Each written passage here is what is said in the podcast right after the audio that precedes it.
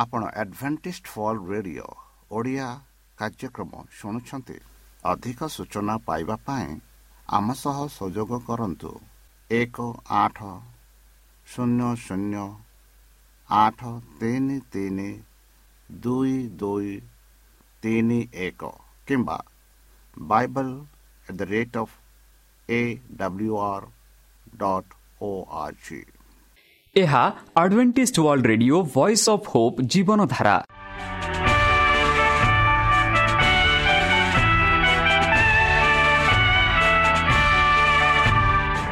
Odia radio କାର୍ଯ୍ୟକ୍ରମ ଯାହା ଆମର ଆନ୍ତର୍ଜାତୀୟ ଆଘାତ କେନ୍ଦ୍ରରୁ ପ୍ରସାରଣ କରାଯାଉଛି ପ୍ରତିଦିନ ରାତି ନଅଟା ତିରିଶ ମିନିଟ୍ରେ। ମୁଁ ସୁବ୍ରତ କୁମାର ପତି ପ୍ରେମର ସହ ଆପଣମାନଙ୍କୁ ଏହି କାର୍ଯ୍ୟକ୍ରମକୁ ସ୍ୱାଗତ କରୁଅଛି।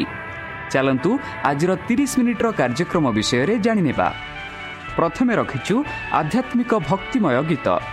ଏହାପରେ ଶୁଣିବା ସ୍ୱାସ୍ଥ୍ୟ ବିଷୟରେ ଭକ୍ତଙ୍କଠାରୁ ଜୀବନଦାୟକ ଈଶ୍ୱରଙ୍କ ବାକ୍ୟ। ପ୍ରିୟ ଶ୍ରୋତା ତାହେଲେ ଚାଲନ୍ତୁ ଶୁଣିବା ଏକ ଆଧ୍ୟାତ୍ମିକ ଭକ୍ତିମୟ ଗୀତ।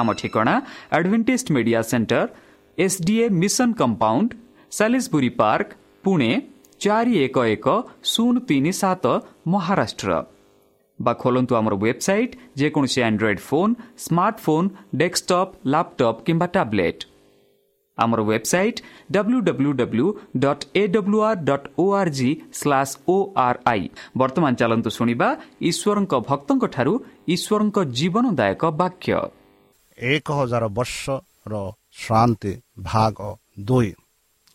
ନମସ୍କାର ପ୍ରିୟ ଶ୍ରୋତା। ସେହି ସର୍ବଶକ୍ତି ସର୍ବଜ୍ଞାନୀ ପ୍ରେମର ସାଗର ଦୟାମୟ ଅନ୍ତର୍ଜମୀ ଅନୁଗ୍ରହ ପରମ ପିତାଙ୍କ ମଧୁର ନାମରେ ମୁଁ ପାଷ୍ଟ ପୂର୍ଣ୍ଣଚନ୍ଦ୍ର ଆଉ ଥରେ ଆପଣମାନଙ୍କୁ ଏହି କାର୍ଯ୍ୟକ୍ରମରେ ସ୍ୱାଗତ କରୁଅଛି। ସେହି ସର୍ବଶକ୍ତି ପରମେଶ୍ୱର ଆପଣମାନଙ୍କୁ ଆଶୀର୍ବାଦ କରନ୍ତୁ। ଆପଣଙ୍କୁ ସମସ୍ତ ପ୍ରକାର ଦୁଃଖ କଷ୍ଟ ବାଧା କ୍ଲେଶ ଓ ରୋଗରୁ ଦୂରେଇ ରଖନ୍ତୁ। ଶତ୍ରୁ ସୟତାନ ହସ୍ତରୁ ସେ ଆପଣଙ୍କୁ ସୁରକ୍ଷାରେ ରଖନ୍ତୁ। ତାହାଙ୍କ ପ୍ରେମ ତାହାଙ୍କ ସ୍ନେହ ତାହାଙ୍କ କୃପା ତାହାଙ୍କ ଅନୁଗ୍ରହ ସଦାସର୍ବଦା ଆପଣଙ୍କଠାରେ ସହବର୍ତ୍ତୀ ରହୁ। ପ୍ରିୟ ଶ୍ରୋତା ଚାଲନ୍ତୁ ଆଜି ଆମେମାନେ କିଛି ସମୟ ପବିତ୍ର ଶାସ୍ତ୍ର ବାଇବଲଠୁ ତାହାଙ୍କ ଜୀବନଦାୟକ ବାକ୍ୟ ଧ୍ୟାନ କରିବା। ଆଜିର ଆଲୋଚନା ହେଉଛି ଏକ ହଜାର ବର୍ଷର ଶାନ୍ତି। ବନ୍ଧୁ ଅନେକ ବିଶ୍ୱାସ କରନ୍ତି ଯେ ଅନସଂରକ୍ଷିତ ବ୍ୟକ୍ତି ଏକ ହଜାର ବର୍ଷ ମଧ୍ୟରେ ଅନୁତାପ କରିବାର ସୁଯୋଗ ପାଇବେ। ବାଇବଲ ଏ ବିଷୟରେ କ'ଣ କହେ? ବନ୍ଧୁ ପ୍ରଭୁଙ୍କର ନିହିତମାନେ ପୃଥିବୀର ଏକ ପ୍ରାନ୍ତରୁ ପୃଥିବୀର ଅନ୍ୟ ପ୍ରାନ୍ତ ପର୍ଯ୍ୟନ୍ତ ରହିବେ। ସେମାନଙ୍କୁ ବିଲାପ କରାଯିବ ନାହିଁ ସଂଗ୍ରହ କରାଯିବ ନାହିଁ କିମ୍ବା ସମାଧି ଦିଆଯିବ ନାହିଁ। ସେମାନେ ଭୂମିରେ ଆବର୍ଜନା ହୋଇଯିବେ। ଏହିପରି ଜିରିମିୟ ପଚିଶ ତେତିଶରେ କହୁଅଛି। ସେହିପରି ଜିରିମିୟ ଚାରି ପଚିଶରେ କହୁଅଛି ଯେ ମୁଁ ଦେଖିଲି ଏବଂ ପ୍ରକୃତରେ କେହି ନଥିଲେ। ଜେରିମିୟ ଭବିଷ୍ୟତ ଭକ୍ତା ସେ କହନ୍ତି କି ସେ ଦେଖିଲେ କି ଏ ପୃଥିବୀରେ କେହି ନଥିଲେ ଏକବାର ଖାଲି ଥିଲା ବୋଲି ସେ ଦେଖୁଛନ୍ତି। ସେହିପରି ସେ ଲେଖନ୍ତି ବନ୍ଧୁ ଏକ ହଜାର ବର୍ଷ ମଧ୍ୟରେ କୌଣସି ବ୍ୟକ୍ତି ଅନୁତାପ କରିବା ଅସମ୍ଭବ ହେବ। କାରଣ ପୃଥିବୀରେ ଜୀବିତ ବ୍ୟକ୍ତି ରହିବେ ନାହିଁ ଧାର୍ମିକ ସମସ୍ତେ ସ୍ୱର୍ଗରେ ରହିବେ ସମସ୍ତ ଦୁଷ୍ଟ ଲୋକ ପୃଥିବୀରେ ମରିବେ। ପ୍ରକାଶିତ ବାକ୍ୟ ତାର ବାଇଶ ଏଗାର ବାର। ଏହା ସ୍ପଷ୍ଟ କରେ ଯେ ଯୀଶୁ ଫେରିବା ପୂର୍ବରୁ ପ୍ରତ୍ୟେକ ବ୍ୟକ୍ତିଙ୍କ ମାମଲା ବନ୍ଦ ହୋଇଯାଏ। ଯାହାକି ଆମେ ଇଂରାଜୀରେ କହୁଛୁ ଦ କ୍ଲୋଜ୍ ଅଫ୍ ପ୍ରଭେସନ୍ସ ଯେଉଁମାନେ ଏକ ହଜାର ବର୍ଷ ଆରମ୍ଭ ହେବା ପର୍ଯ୍ୟନ୍ତ ଖ୍ରୀଷ୍ଟଙ୍କୁ ଗ୍ରହଣ କରିବାକୁ ଅପେକ୍ଷା କରନ୍ତି ସେମାନେ ବହୁତ ସମୟ ଅପେକ୍ଷା କରିବେ। ବନ୍ଧୁ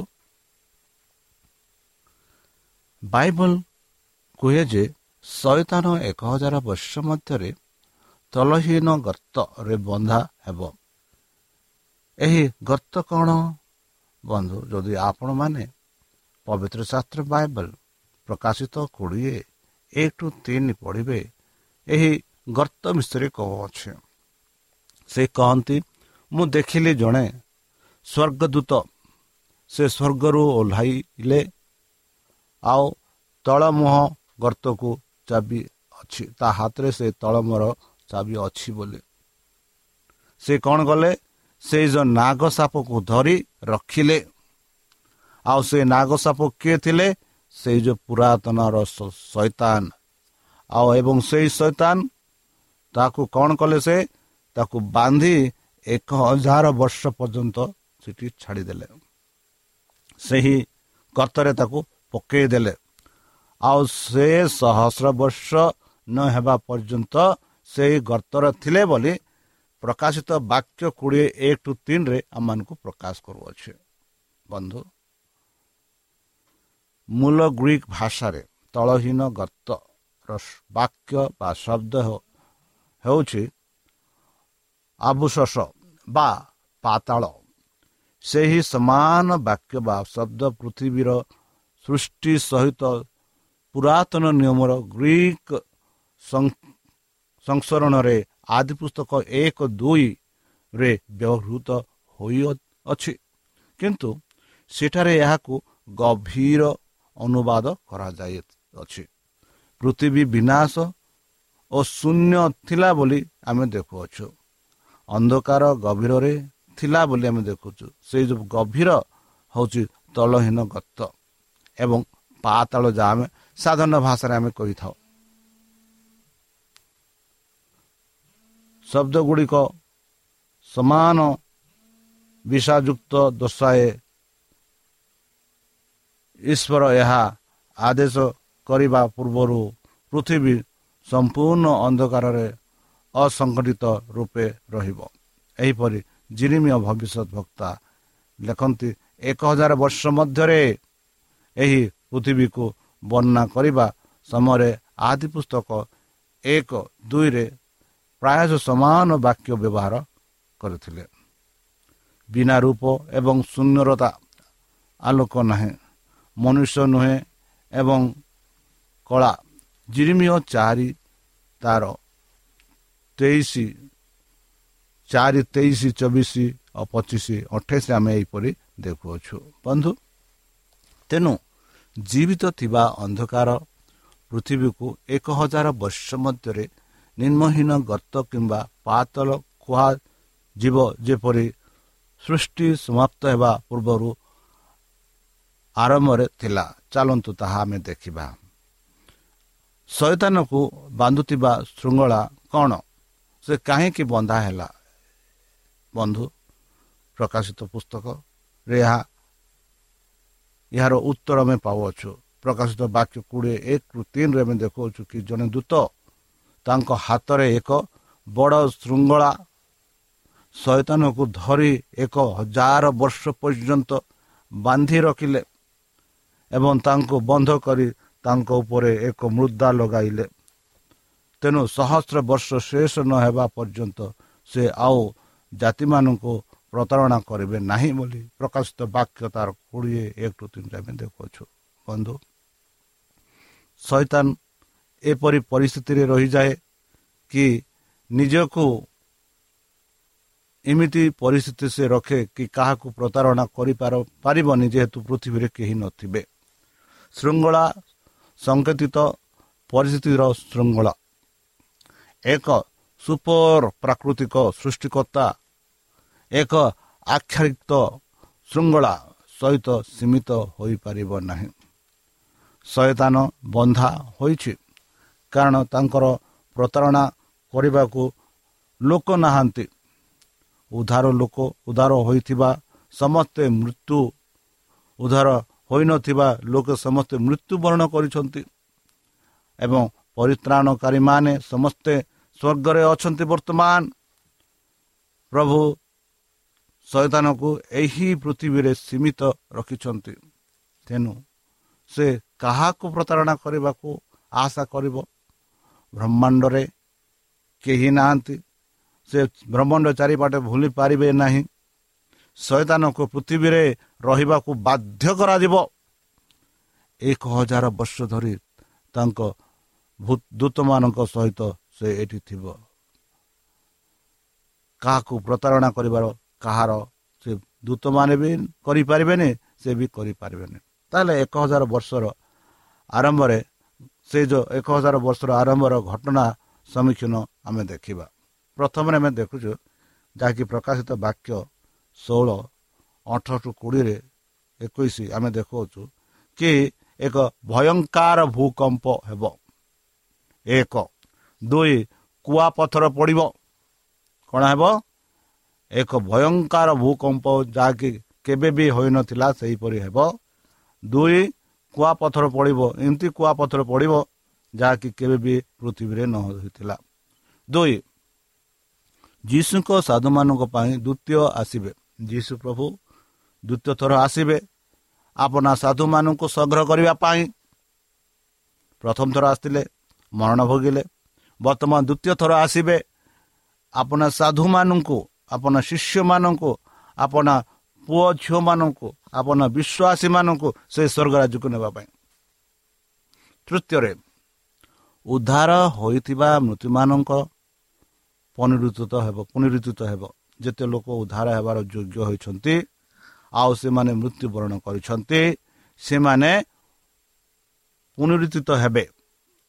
ଚାରି ସଞ୍ଚିତ ଅମରତା ମାନେ ଯେତେ ଲୋକ ବର୍ତ୍ତମାନ ଯୀଶୁଙ୍କ ପାଇଁ ଜିଇ ଉଠିଛନ୍ତି ଆଉ ଯେତେ ଲୋକ ବଞ୍ଚି ଅଛନ୍ତି ବିଶ୍ୱାସ କରନ୍ତି ସେମାନଙ୍କୁ ଅମରତା ପ୍ରଦାନ କରାଯିବ। ଆଉ ସେମାନେ ଆଉ କେବେ ମୃତ୍ୟୁ ହେବେ ନାହିଁ। ସେମାନଙ୍କୁ ଅନନ୍ତ ଜୀବନ ପ୍ରଦାନ କରାଯିବ। ସେମାନେ ସଦାସର୍ବଦା ବଞ୍ଚୁଥିବେ।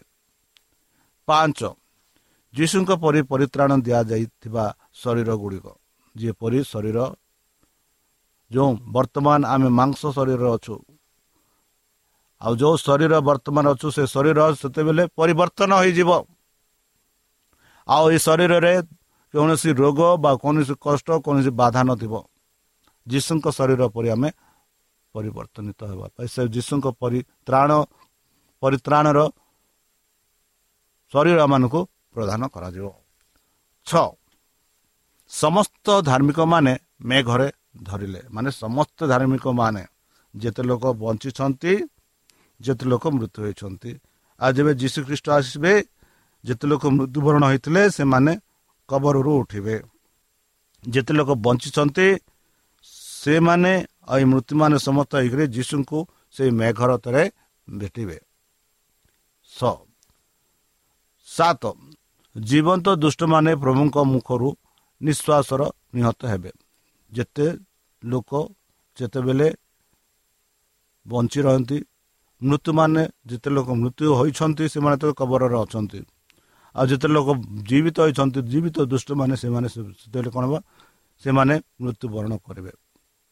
ଆଠ ଉଦ୍ଧାର ହୋଇନଥିବା ମୃତ୍ୟୁମାନେ ଏକ ହଜାର ବର୍ଷ ଶେଷ ପର୍ଯ୍ୟନ୍ତ ସେମାନଙ୍କ କବରରେ ରହିଛନ୍ତି। ମାନେ ଯେତେ ଲୋକ ଯେଉଁମାନେ ସ୍ୱର୍ଗକୁ ଯାଇନାହାନ୍ତି ଯୀଶୁଙ୍କ ସହ ମାନେ ଏହାର ଅର୍ଥ ହେଉଛନ୍ତି ସେମାନେ କବରରେ ରହିଥିବେ। କେତେ କେତେ ସମୟ ରହିବେ?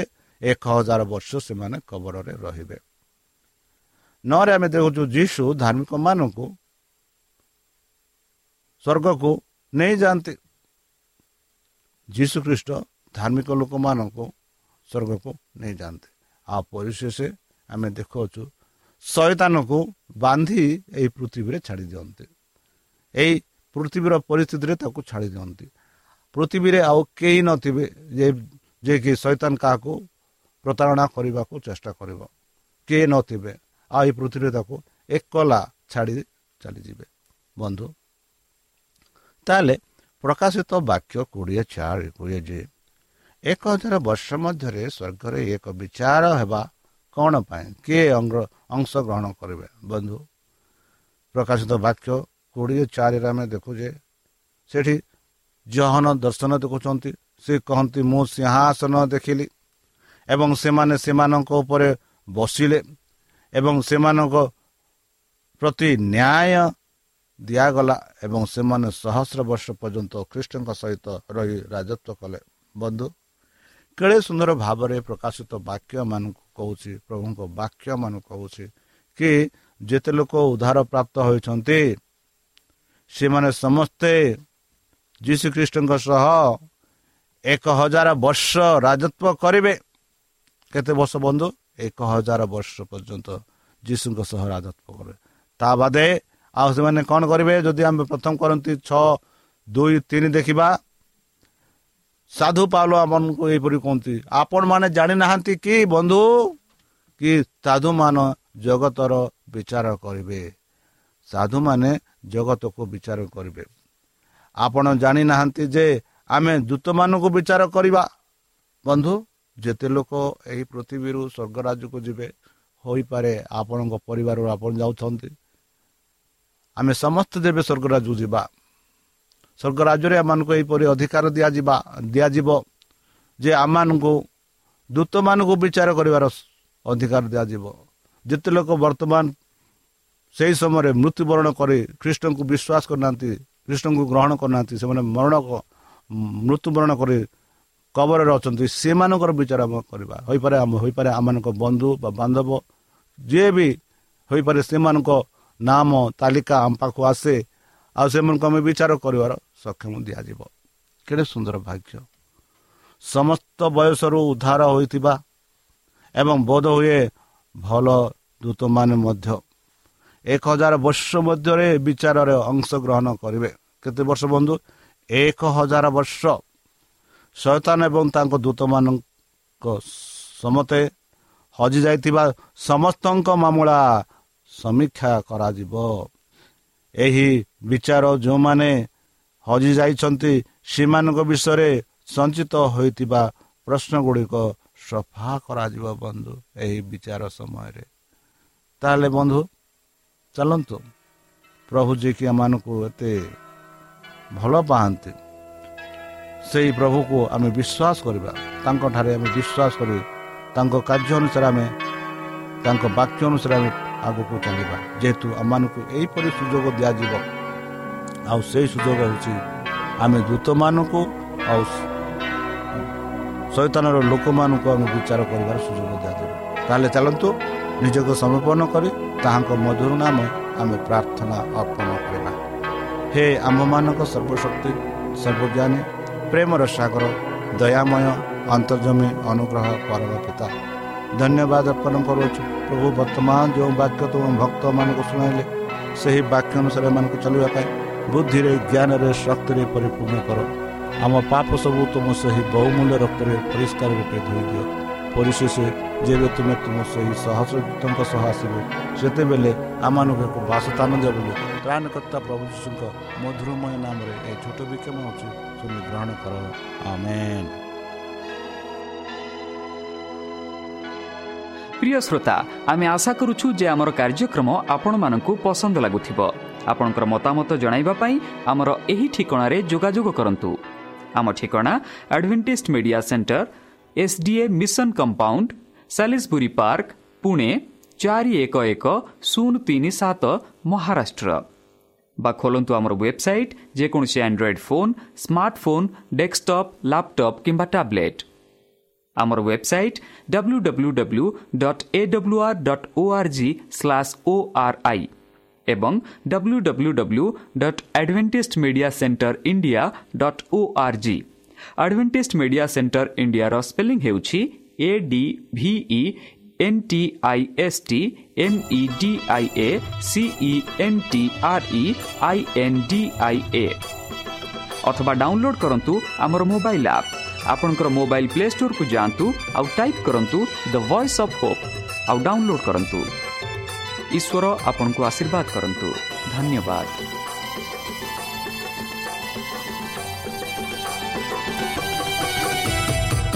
ସମୟ ଆସୁଛି ଧାଇ ଯିଶୁ ଆଗମନ ପାଇଁ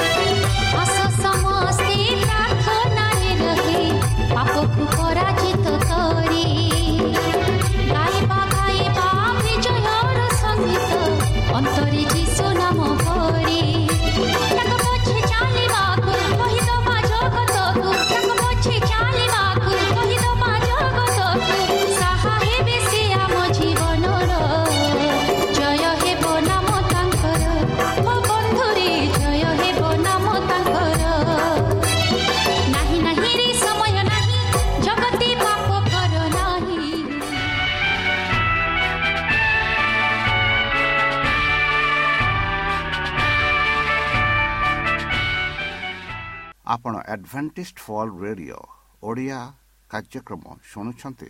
ଅଧିକ ସୂଚନା ପାଇବା ପାଇଁ ଆମ ସହ ସଂଯୋଗ କରନ୍ତୁ। ଏକ ଆଠ ଶୂନ୍ୟ ଶୂନ୍ୟ ଆଠ ତିନି ତିନି ଦୁଇ ଦୁଇ ତିନି ଏକ କିମ୍ବା Bible at the rate of A W R dot O R G